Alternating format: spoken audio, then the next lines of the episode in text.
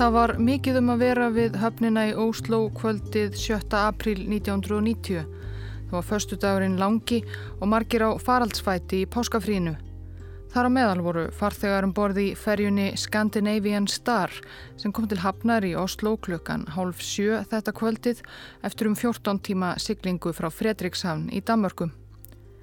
Farþegarnir, nokkur hundruð talsins, fóru frá borði í Oslo og um borð steg annar hópur farþega því Skandinavían Star átti að fara strax aftur sömu leið tilbaka til Fredrikshavn.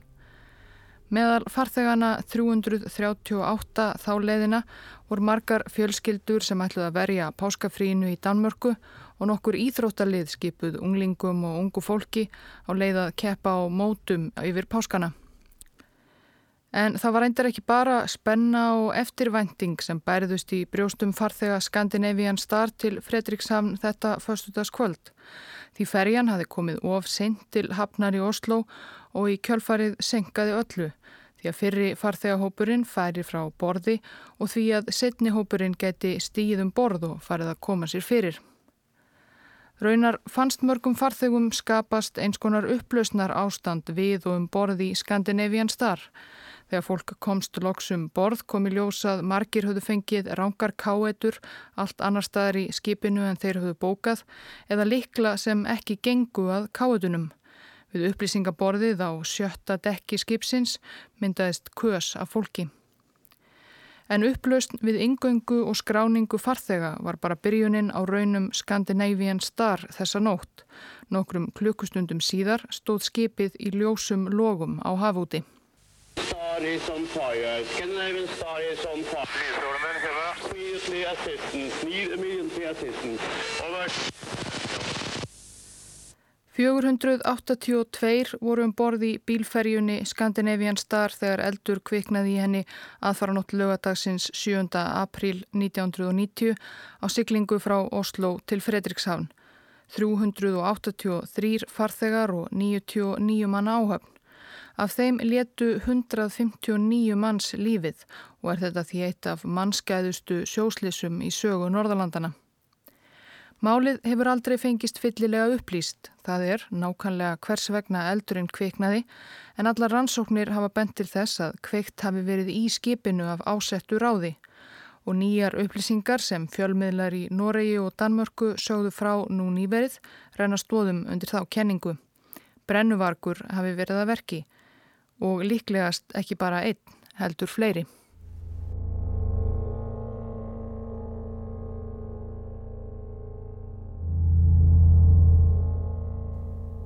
Skandinavian starfar um 140 metra laung með nýju dekk.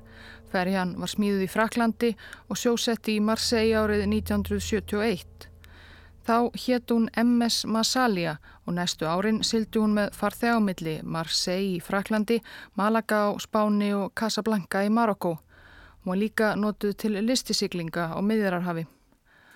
Árið 1984 kifti sænska skipafélagið Stena MS Massaliu en félagið sérum fergi og listisiklingar við svegarum heiminn. MS Massalia skipti svo ortum nafn næstu árin Fyrst hétt hún Stena Baltica, svo Island Fiesta og svo loks þegar dansk-bandaríska félagið Sea Escape eignaðist ferjuna 1990 Scandinavian Star.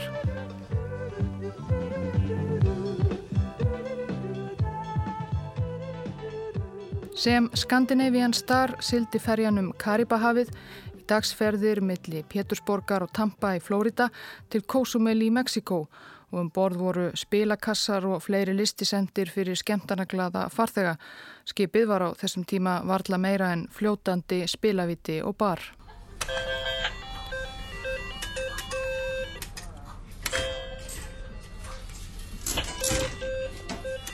Síðla árs 1990 skipti ferjan þó enn og aftur um eigendur.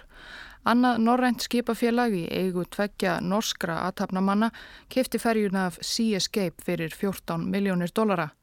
En gjörningarnir í kringum eignarhald á ferjunni voru á þessu stígi ornir nokkuð flóknir. Mörg félög, mörg ríki og margir einstaklingar komu þarna að málum. En menn fóru ekki að rína alminlega í það fyrir en síðar eftir atburðina örlagaríku aðfara nótt 7. april. En allavega, Hún helt nafninu Scandinavian Star en breytti um hlutverk og fór á kaldari slóðir. Átti nú að fara að sigla millir Fredrikshavn og Oslo. Ferjan byrjaði að sigla þá leið 1. apríl 1990 og viku síðar brann hún.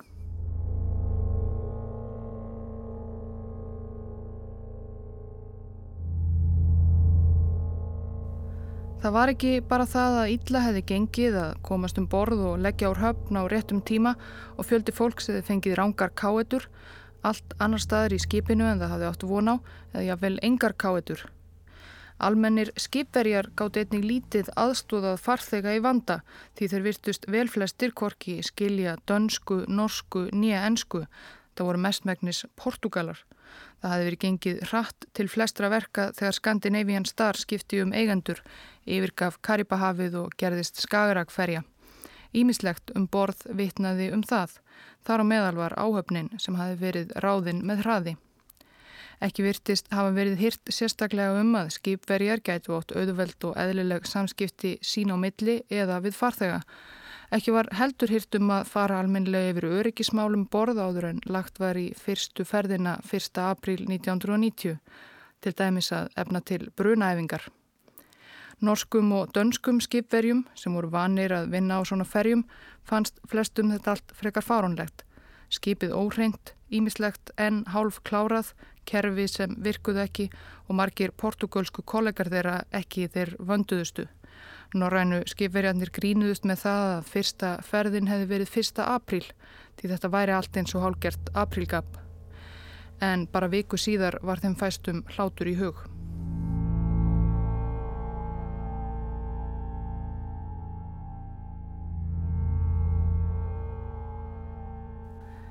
Aftur til 7. apríl. Skipið laði loks úr höfn það kvöld klukkan korter í tíu, tveimur klukkustundum á eftir áætlun, eftir senkanir og vesen á flestum stegum. En þegar skipið var loks komið af stað önduðu margi léttar. Einhverjir komið sér fyrir í kóju, aðrir fóru á veitingahúsið á sjötta dekki til að fá sér síðbúin kvöldverð. Rækjukottel og gravlags í forrétt bæjónskinga, róstbíf, kjúklingur eða lampakótiletta í aðalrétt, karamellubúðingur í eftirrétt. Allt eins og það átt að vera. Kvítir dúkar á borðum og fyrir ofan gesti hengu lýsandi ljósakrónur og þó svo að portugalsku þjónatnir væri kannski ekki sleipir í ensku voru þeir brósmildir og pössuðu upp á að glös gesta tæmdust ekki af víni. Eftir matinn helt fjölskyldufólkið flest til káetu en á áttundadekki var bar og diskotek og þangað heldu líka margir þegar leið á siglinguna. Eins og á svo mörgum öðrum ferjuleiðum á þessum slóðum týðkaðist það að sletta aðeins úr klöfunum á leiðinni.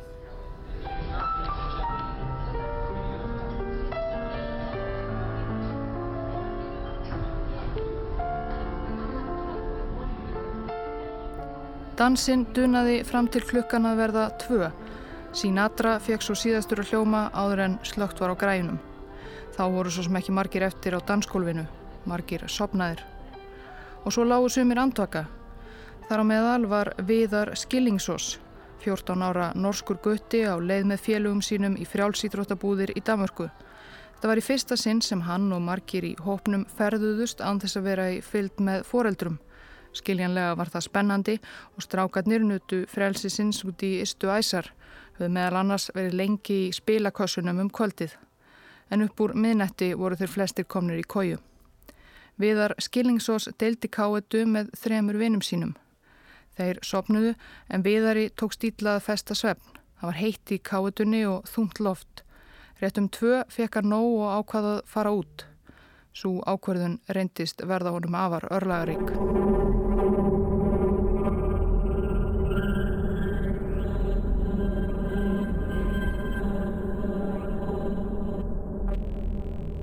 Það voru 383 farþegar um borði í Scandinavian Star þessa nótt. Eins og fyrir segir fengust þeirri við ímislegt á meðan nóttin ferðist yfir og skipið sildi áfram áleiðist til Fredrikshavn. Þó að það hafi verið skjannakvítir dúkar á borðum á veitingastanum þar sem fólk satt og geti sér á bæjónskingu og karamellubúðingi, þá var ekki eins glæsilegt um að litast í öllum káetunum. Þar fannst sumum farþegum að ekki hefði verið þrifið nægilega vel eftir síðustu farþega. Þegar hjón frá Sikilven í vestur Noregi komu sér í K1 422 af barnum, tókuðu eftir haug af sengurfötum á ganginum. Nágrannar þeirra í K1 416 höfðu kastað þeim fram á gang þar sem þeir þóttu þau skítug og ólíkt að þeim. Þetta átti líka eftir að hafa örlaðaríkar afleðingar.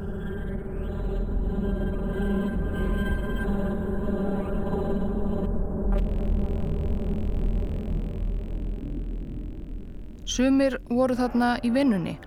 Þar á meðal var Erik Mörk Andersen, 37 ára gammal Dani. Hann kerði vöruflutningabíl og var að flytja einhverjar vörur frá Oslo til Fredrikshavn.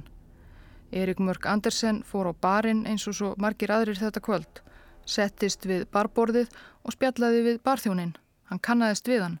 Barþjónin var norskur og hafi áður unnið í öðru skipi sem sildi á sömu leið og Erik Mörk Andersen hafi líka ótal sinnum silt þessa leið með flutningabílinn sinn. Þeir spjölluðu og Andersen fekk sér all nokkra drikki Skömmu fyrir lokun barsins kefti hann tvær kókflöskur og leitt barþjónin færa þær til hóps af ungum dönskum konum sem sátu hínum einn á barnum. Þær tóku við flöskunum en fannst þetta eitthvað óþægilegt og maðurinn við barinn sem barþjónin sagði að hefði sendt þeim þetta ekki sérlega árænilegur. Þær flýttu sér að drekka kókið og haska sér út af barnum.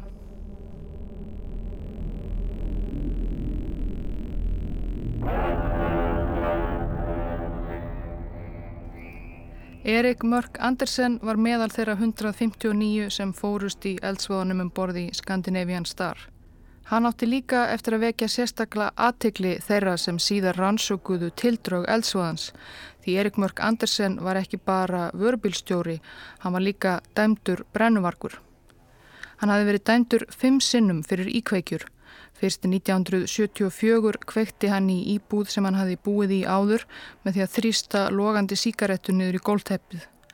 Þremur árum síðar kvekti hann í annari íbúð og svo í þremur byggingum til viðbótar 1978, 1982 og 1983. Þegar Erik Mörk Andersen kvekti í einhverju var hann yfirleitt drukkin eins og hann var förstudags kvöldið 7. april 1990 þegar hann var á barnum um borði Skandinavian Star. Hann kveikti líka yfirleitt í stuttu eftir hann hafi hætt með kærustu eða orðið fyrir vonbreyðum í ástarmálum við hafnað af konu. Eins og förstutaskvöldið 7. apríl þegar dönsku stúlkunnar hinum einn á barnum virtu hann ekki viðlits, heldur forðuðu sér þegar hann reyndi að vekja aðtikli þeirra með tveimur kókflöskum.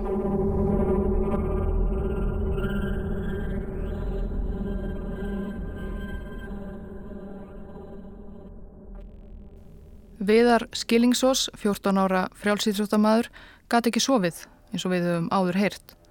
Hann ákvað því að fara og fá sér ferst loft. Hann og félagi hans í káetu númer 616 á sjötta dekki klættu sig og fór út. Fyrir utan hittu þeir tvo aðra liðsfélaga sína úr næstu káetu sem voru í sömu spórum og gáttu ekki sofið. Fjórmenningarnir ungu stóðu á ganginum og spölluðu í stuttastund. Þá tókuður eftir reiknum. Dökk gráan reik lagði upp stígagangin neðan af næsta dekki. Drenginir áttuðu sig strax á því að svona áttuðu dekki að vera. Það var hætta á ferðum. Þeir hlöpu sem fætur tóguðu að innritunarborðinu sem var á sama dekki því sjötta. Það satt ein kona, örð reytti eftir allt vesen kvöldsins, senkunina, röngu, káeturnar og guðmá vita hvað. Eldur, það er eldur, rópuðu piltarnir móðir að hlaupum.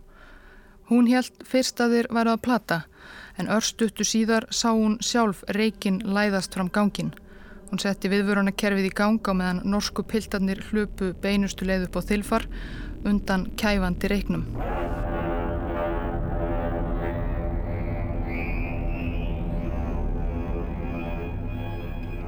Engu tíman milli korter í tvö og tvö um nóttina vaknaði parið frá Sikilven í K1 422 við háfaða. Það var snark í eldi. Þegar þau opnuðu káetudyrnar sáu þau að það skýður logaði í skítugu sengurfattarhúinu á ganginum og logarnir voru byrjaðir að sleikja vekkina. Fleiri á ganginum vöknuðu við eldin og saman tókst þeim að slökkva í sengurfötunum með því að hella yfir eldin hverju vasklasinu og fætur öðru. Skipvergi, öryggisvörður, kom á vettvang þegar farþegarnir voru að slökkva í síðustu glæðunum. Maðurinn frá Sikilvenn í K1 422 sagði örgisverðinum að eldurinn hefði greinilega verið kveiktur af ásettur á því, kveikt í sengurfattarhúinni. Áhöfnin ætti að ganga strax úr skugga um að það logaði ekki einhver staðar annar staðar. Það væri meira en líklegt að brennuvarkur lendist meðal farþegana. En örgisverðinum fannst þetta nú óþarfa áhyggjur. Áhöfnin hefði fulla stjórn á skipinu og aðstæðum. Búið væri að slökka eldin engin sérstök ástæða til að fara að setja verði út um allt.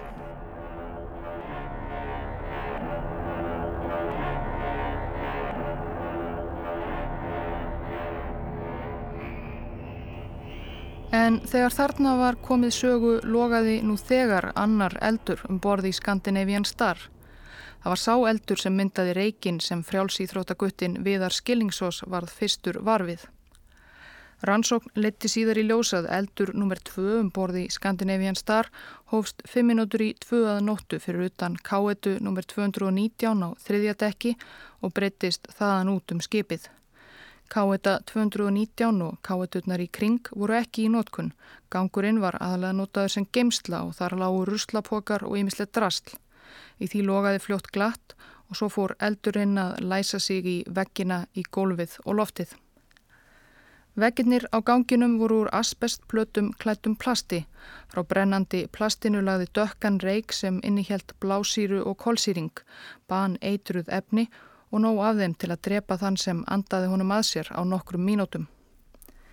Á meðan það logaði glatt á ganginum við K1 219 breytist reikurinn hratt um gangana. Hann leitaði upp og barst fljótt upp á næstu dekk, fjórða, fymta, sjötta. Á um tíu mínútum voru flestir gangarnir í skuti skipsins fullir af dökkum eitruðum reik. Það var reikurinn og eiturefnin sem í honum lendust sem dró flesta sem létust um borði í Skandinavian star þessa nótt til dauða. Þegar farþegar vöknuðu við eldsnark, öskur og annan skarkala þurftu þeir að reyna að brjóta sér leið út úr skipinu í gegnum kolbyggasvartan reykjarmökkin. Skiknið var ör lítið og hver andardráttur stór hættulegur. Margir liðu út af á miðjum göngunum og gerðu flóttan enn erfiðari fyrir þau sem á eftir komu því gangarnir urðu smátt og smátt þaktir líkum.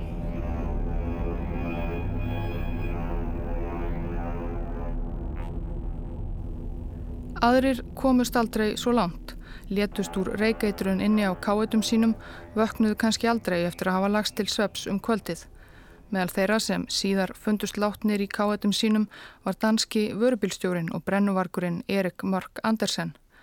Rannsókn á líki hans leti í ljósað hann hafi dáið úr reykeitrun liggjandi í kójunni sinni í síðasta lagi kortir í þrjú um nótina.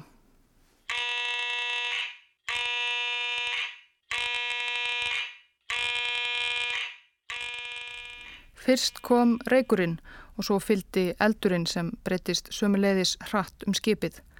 Eldnöttur sem ruttist fram gangana eins og einn farþegi sem komst lífsaf lístið í síðar. Um 20 myndir yfir 2, 25 mínútum eða svo eftir að eldurinn kviknaði var hann komin alla leið frá þriðja upp á sjötta dekk.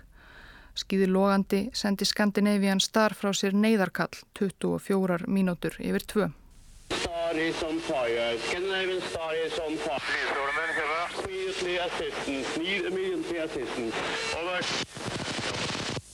Í brunni sá skipstjórin á Scandinavian Star, norðmaðurinn Hugo Larsen, þrautreyndur sjóari, hvernig viðvörunuljósin kviknuðu eitt af öðru eftir því sem logarnir mögnuðust. Það reyndi að loka öllum eldvarnardýrum skipsins til að koma í veg fyrir að eldurinn breytist út frekar. En ekki reyndust allar eldvarnardýrnar virka sem skildi neituðu gjörsamlega að lokast sama hvað skipstjórin hamaðist á tökunum. Svo það var lítið sem gætt hamlað útbreyðslu eldsins. Síður í rannsókn, löngu síðar, leiti í ljósað sumstaðar virtist vísvitandi hafa verið komið í vekk fyrir að eldvatnadirnar gætu lokast með því að teppa þær með rúmbótnum og öðru dóti. Um leið og neyðarkallið ómaði voru farþegar að forða sér út úr brennandi skipskroknum um borði í björgunabáta. Það var ekki annað í stöðinni en að allir yfirgefi skipið. Neyðarkallið heyriðist víða.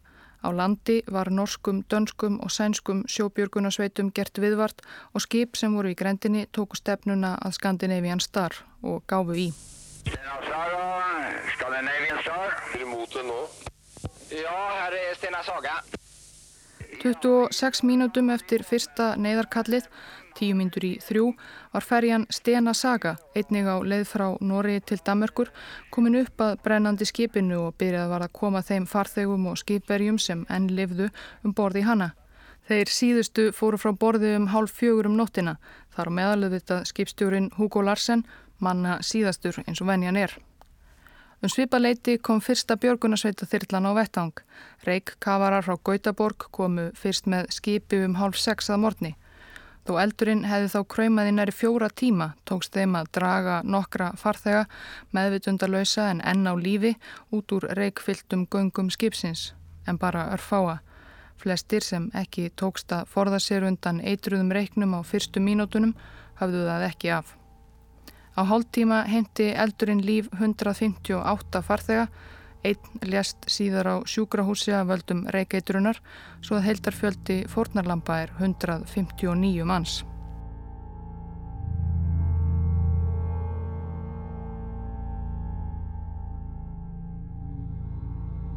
Þegar yfirvöld í Danmörku og Noregi fóru fyrst að rannsaka brunanum borði Skandinavian Star vaknaði fljótt grunur um að kveikt hefði verið í af ásettur á því.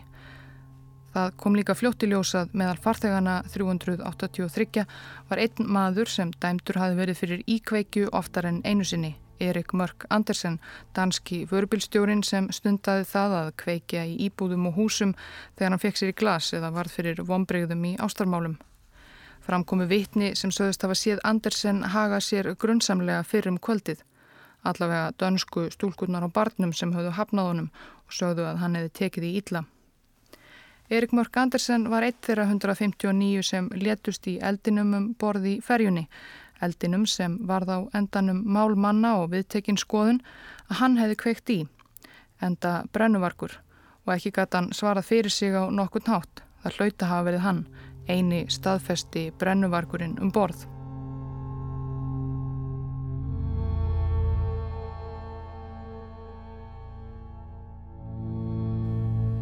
Þegar leið á lögadagsmorguninn fluttu skip og þyrllur sænska slökkuliðsmennum borði í skipið til að slökka eldin. Það var annars að mestu mannlaus fyrir utan nokkra ár áhöfninni. Og meðan slökkuliðsmenninir börðust við logana var skipið svo dreyið áleiðist til hafnar í Lísekíl í Svíþjóð. Það tók slökkuliðsmennina margar klukkustundir að ráða niðurlögum eldsins sem hafi kviknað niður á þriðja dekki um klukkan tvö aðfara nóttu lögadagsins. Það var ekki fyrir ná lögadagskvöldið sem þeir gáttu farið að anda léttar og tekið sér kvild, en þó ekki of langa. Skandinavian Star kom til hafnar í Lísekíl um miðnætti. Nokkrum klukustundum síðar blossaði aftur upp eldur um borði skipinu og ekki einn heldur logaði nú á mismunandi stöðum hingað og þangað um skipið. Fyrst á diskotekinu og áttundadekki og nokkrum mínútum síðar logaði svo líka á veitingahúsinu allt annar staðar í skipinu. Skömmu áður höfðu þreytir slökkulismenn haldið þar til og drukkið góstrikkina úr kæliskápum í eldhúsinu. Vissulega lifir lengi í gömlum glæðum en þá var ekkert sem benti til þess í augum reyndustu slökkulismannana að þar geti kviknað aftur upp í eldinum.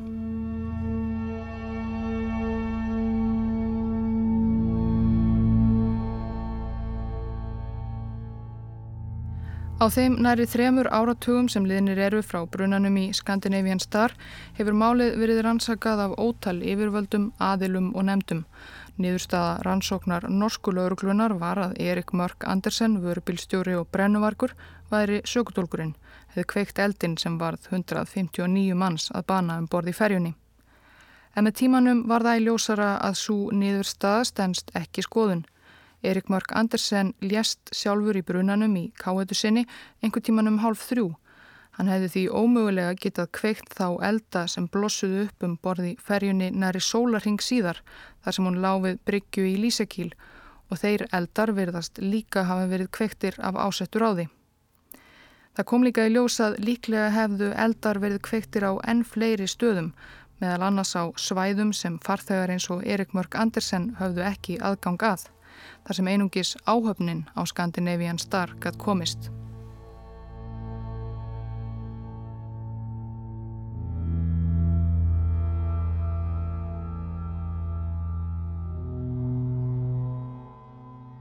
Í ársbyrjun 2016 steg Danin Flemming Tue Jensen fram og saði skoðun sína á brunanum í Scandinavian Star. Hann var skipa eftirlitsmaður hjá siglingamálastofnunin í Damörku á þessum tíma og eitt þeirra fyrstu sem skoðuðu brunarústir Skandinavian Star meðan enn var verið að loðsa skipið til Lísakíl. Hann var um borði í skipinu í þrjá daga og rannsakaði hvern krók og kima. Strax þá komst hann að þeirri niðurstöðu að kveikt hefði verið í af ásetningi og það á fleiri en einum stað. Mainstrið í eldinum væri heldur ekki tilvunina og bendi til þess að hver sá sem kveikti í vissi sitt hvaðum skipið og útbreyðslu elds sömu leiðis. Þetta hafi ekki verið einhver brjálæðingur sem óðum og kveikti í eldspítum eins og Jensen orðaði það heldur skipulögð íkveikja skemdarverk sem hafi útheimt að hver sá sem var að verki byggi yfir ímsum verkfærum og geti komist auðveldlega leiðarsinnar um ránkala skipsins. Nokkrir skipverjar urðu eftir um borði Skandinavian Star þegar aðrir eftirlifandi farþegar og áhöfn fórum, þrýr til fjórir sem áttu að aðstóða slökkulismennina. Hins vegar hafi slökkulismennir í raun haft lítið af þeim að segja Þeir hafi einfallega gufað upp inn í einhvert innvols skipsins. Flemming Tua Jensen telur fullvíst að þeir hafi staðið baki í kveikunum. Engverjir úr áhöfn Skandinavian Star hafi kveikt í sínu eigin skipi, ítrekkað og af ásetningi.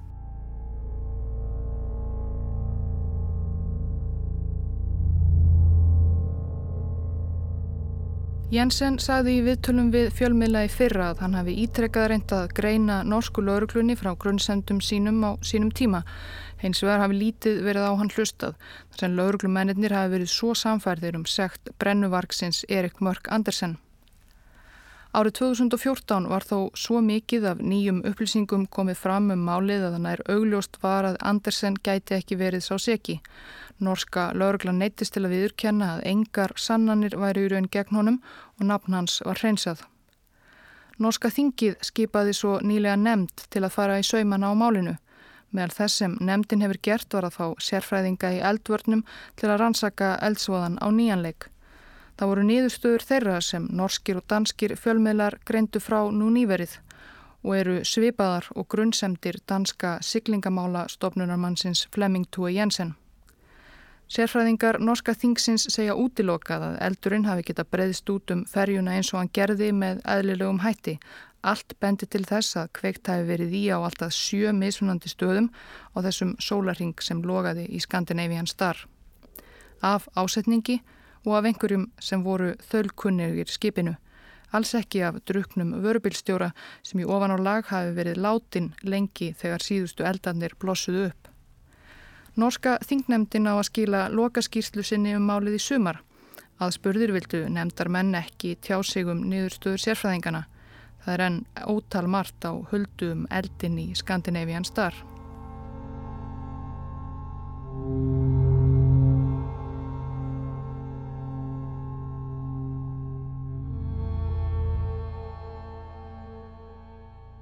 En hvers vegna hefðu skipverjar á Skandinavian Star átt að kveikja í eigin skipi? Eins og fyrr segir hafði skipið skömmu fyrir brunan skiptum eigendur. Já, reyndar var eignarhaldið svo flókið að það var erfitt fyrir laurugluna á sínum tíma að henda reyður á því hver ætti í raun og veru þetta skip ef það sem eftir var af því. Skömmu fyrir brunan höfðu tveir norskir aðtafnamenn í skipabransanum Henrik Jóhansen og Óle B. Hansen keift Scandinavian Star af bandariska fyrirtækinu Seascape. Þeir voru báðir síðar á samt skipstjóronum Hugo Larsen dæmdir í sex mánada fangelsi fyrir brot á öryggisreglum um borði farþegarskipum þar sem eldvörnum var ábútafant í Scandinavian Star og áhöfnin hafði ekki æft viðbrögð við eldsvoða. Annar eigandana, Óle B. Hansen, flúði til spánar frekar en að una dóminum Þaðan fór hann til Vestur Afrikuríkisins Líberju þar sem hann bjó árum saman. Við nánari skoðun kom í ljósað í skjölum um Skandinavian Star á Bahama-eigum því þar var skipið skráð. Þar var nefndur til sögunar þriðji eigandin, Níels Erik Lund, danskur eigandi hins bandaríska skipafélags Seascape, einmitt félagsins sem seldi þeim félagum Jóhansen og Hansen skipið í janúar 1990. Lund þessi sem rekur nú annað skipafélag í bandaríkunum þvert og alltaf fyrir að hafa komið nokkuð að eignarhaldinu á Skandinavian Star eftir að hann seldi það og vildi ekkert tjá sig um málið. Hann var heldur ekki yfirherður á lauruglum. Síðari rannsóknir hafa svo leitt ljósað fjármálagjörningarnir í kringum Skandinavian Star voru enn flóknari en þetta. Jóhansen og Hansen stopnuðu sérstatt félag um kaupin á Skandinavian Star sem hétti einfallega Skandinavian Star.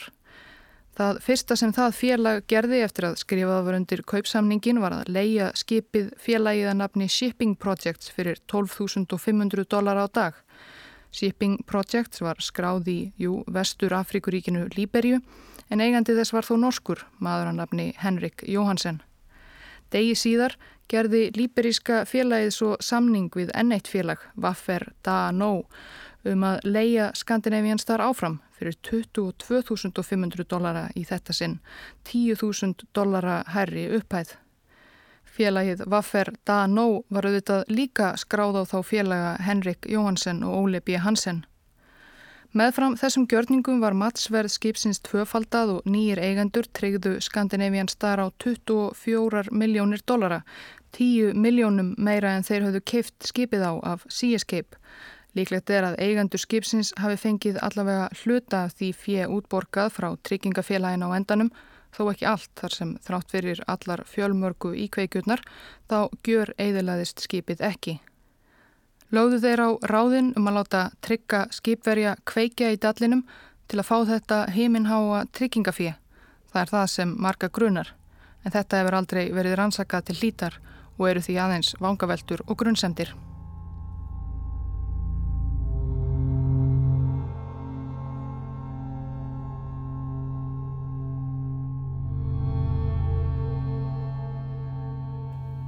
Eftir brunan endaði Skandinavian Star við höfnina í Sáþamtón í Breitlandi þar sem það lág íllafarið og brent í fjögur ár. Lóks 1994 var það selt á uppbóði og það er ennitt dæmið um flokna og furðulega sögu Skandinavian Star. Að kaupandin var félag tengt Níels Erik Lund, dönskum eiganda Sea Escape sem hafi áður selt þetta sama skip en þó hugsanlega líka keiftað sjálfur af sjálfum sér. Skandinavian Star fekk þá enneitt nafnið Regal Voyager Skipinu var tjaslað saman og fekk næstu árin að sigla aftur á gamalkunnum slóðum í Karibahavi. Án þess að það væri frásögu færandi sérstaklega allavega kom engin eldur upp. En bara í nokkur ár. Árið 2004 sildi Regal Voyager áður Scandinavian Star í hinstu försína allarleið til Indlands í skipakirkjugarðin Fræga við ströndina í Alang í Gujarat þar sem ótal skip, allstaðar aður heiminum, hafa endað æfina sem brotajátn.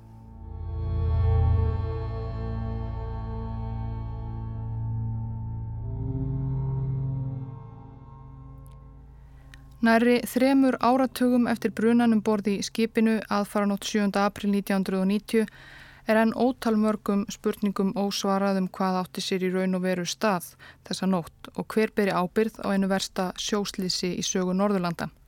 Eða var þá slís. Og það þrátt fyrir laurugluransókn og aðkomu ótal sérfræðinga. Ástvinir þeirra 159 sem fórust um borði í Skandinavian Star hafa árum saman þrýst mjög á að málið sé rannsaka til hlítar, sökudólgurinn eða sökudólgarnir fundnir og dregnir til ábyrðar. Kanski verða einhver eftirmála skýrslu norsku þingnemdarinnar sem eins og fyrr segir á að koma út í sumar. En ef dragam á einhverja álygtun af sögu Skandinavian Star hinga til verður hún kannski bara til að flækja málinn en frekar.